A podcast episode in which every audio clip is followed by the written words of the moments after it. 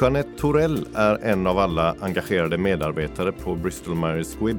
Nu befinner hon sig någonstans i södra Frankrike efter att ha avverkat första etappen av välgörenhetscyklingen Country to Country for Cancer som arrangeras av BMS i Europa för andra året i rad. En grupp cyklister ska ta sig från Nice i Frankrike till Girona i Spanien med syftet att öka medvetenheten om cancer och samla in pengar till cancerforskning. Vi ska se om vi får tag på Jeanette. Jeanette, var någonstans befinner du dig just nu? Jag befinner mig i Frankrike just nu och eh, orten där jag är heter Malemort.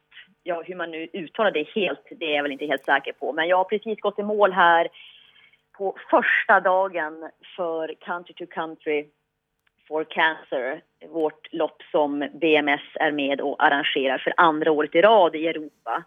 Det här är ett koncept som togs egentligen från eh, USA. Eh, och där har man väl kört några år nu, det här eh, formatet.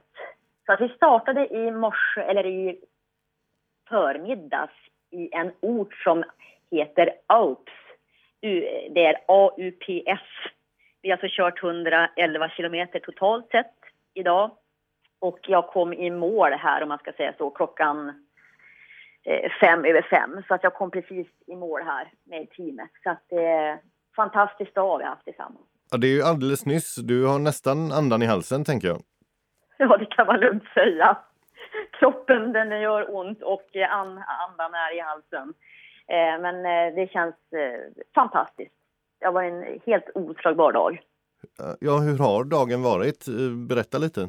Eh, ja, vi gick ju upp tidigt i morse, eh, runt sexsnåret, käkade frukost. Eh, första, eh, första teamet av oss i Norden, eh, de startade sin cykeltur klockan åtta i morse och då så transporterades vi andra eh, svenskar och vi har en finsk tjej också i vårt team till eh, den här orten då, som jag nämnde, eh, Aups vi, det var ungefär en och en halv timmas eh, bilfärd dit. Och sen så startade vi därifrån.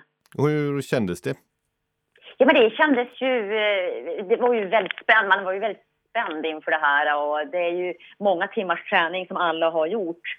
Eh, men vi ska inte glömma bort varför vi gör det här egentligen. Vi gör det här för, för patienter.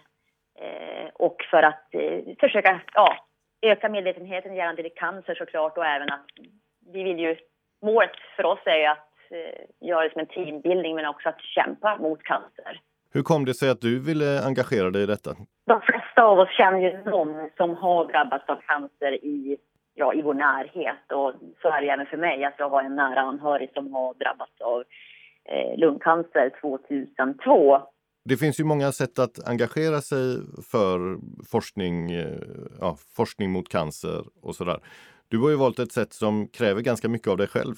Hur, hur mycket har du tränat inför det här cykelloppet? Ja, vi har tränat ungefär fem månader. Så att eh, det blir väl ungefär en 200 mil drygt ska vi säga, som jag cyklar.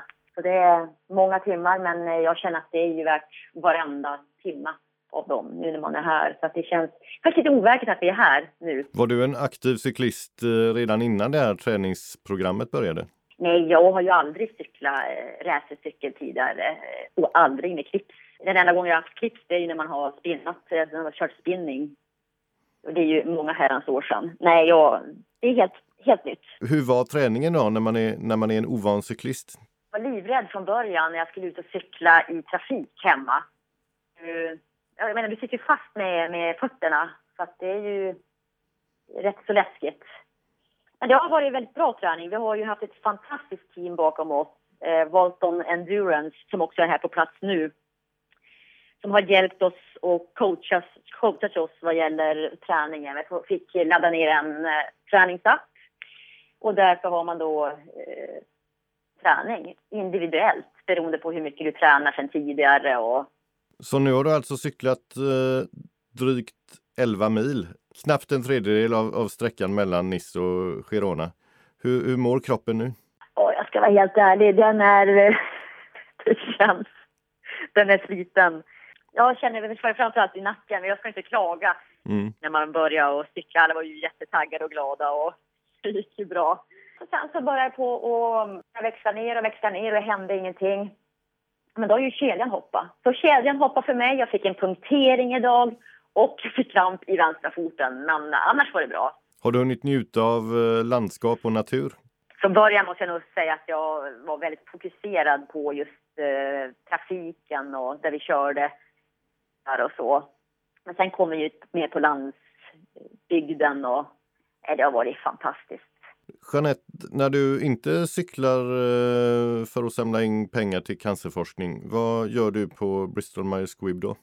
Eh, jag jobbar på fältet och jobbar med cancerläkemedel där. Och det har jag gjort i september, blir det nu två år.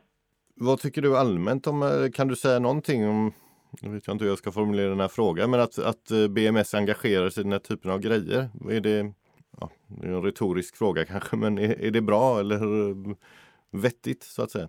Sjukt stolt får man säga att eh, jobba för Bristol Myers Squibb eh, och det är vi alla hela tiden som är här, att, eh, att ett företag eh, gör en sån här grej, ett sånt här projekt Eh, för eh, cancer, att vi cyklar för cancer och eh, för att öka medvetenheten gällande cancer men också att det här är också en teamaktivitet. Det här är ju ingen tävling på något sätt. Vad ska du göra nu när vi lägger på luren? Ja, då ska jag väl kanske stretcha lite grann och ta en dusch och gå ner och käka middag. det blir inte roligare än så. Och så blir det en tidig kväll jag hoppas verkligen att du får en eh, god natts sömn så att du orkar cykla eh, en rejäl etapp imorgon igen. tackar, tackar. När du har gått i mål imorgon så hörs vi igen så hoppas vi att du låter lika pigg på rösten. Tusen tack. Tack detsamma.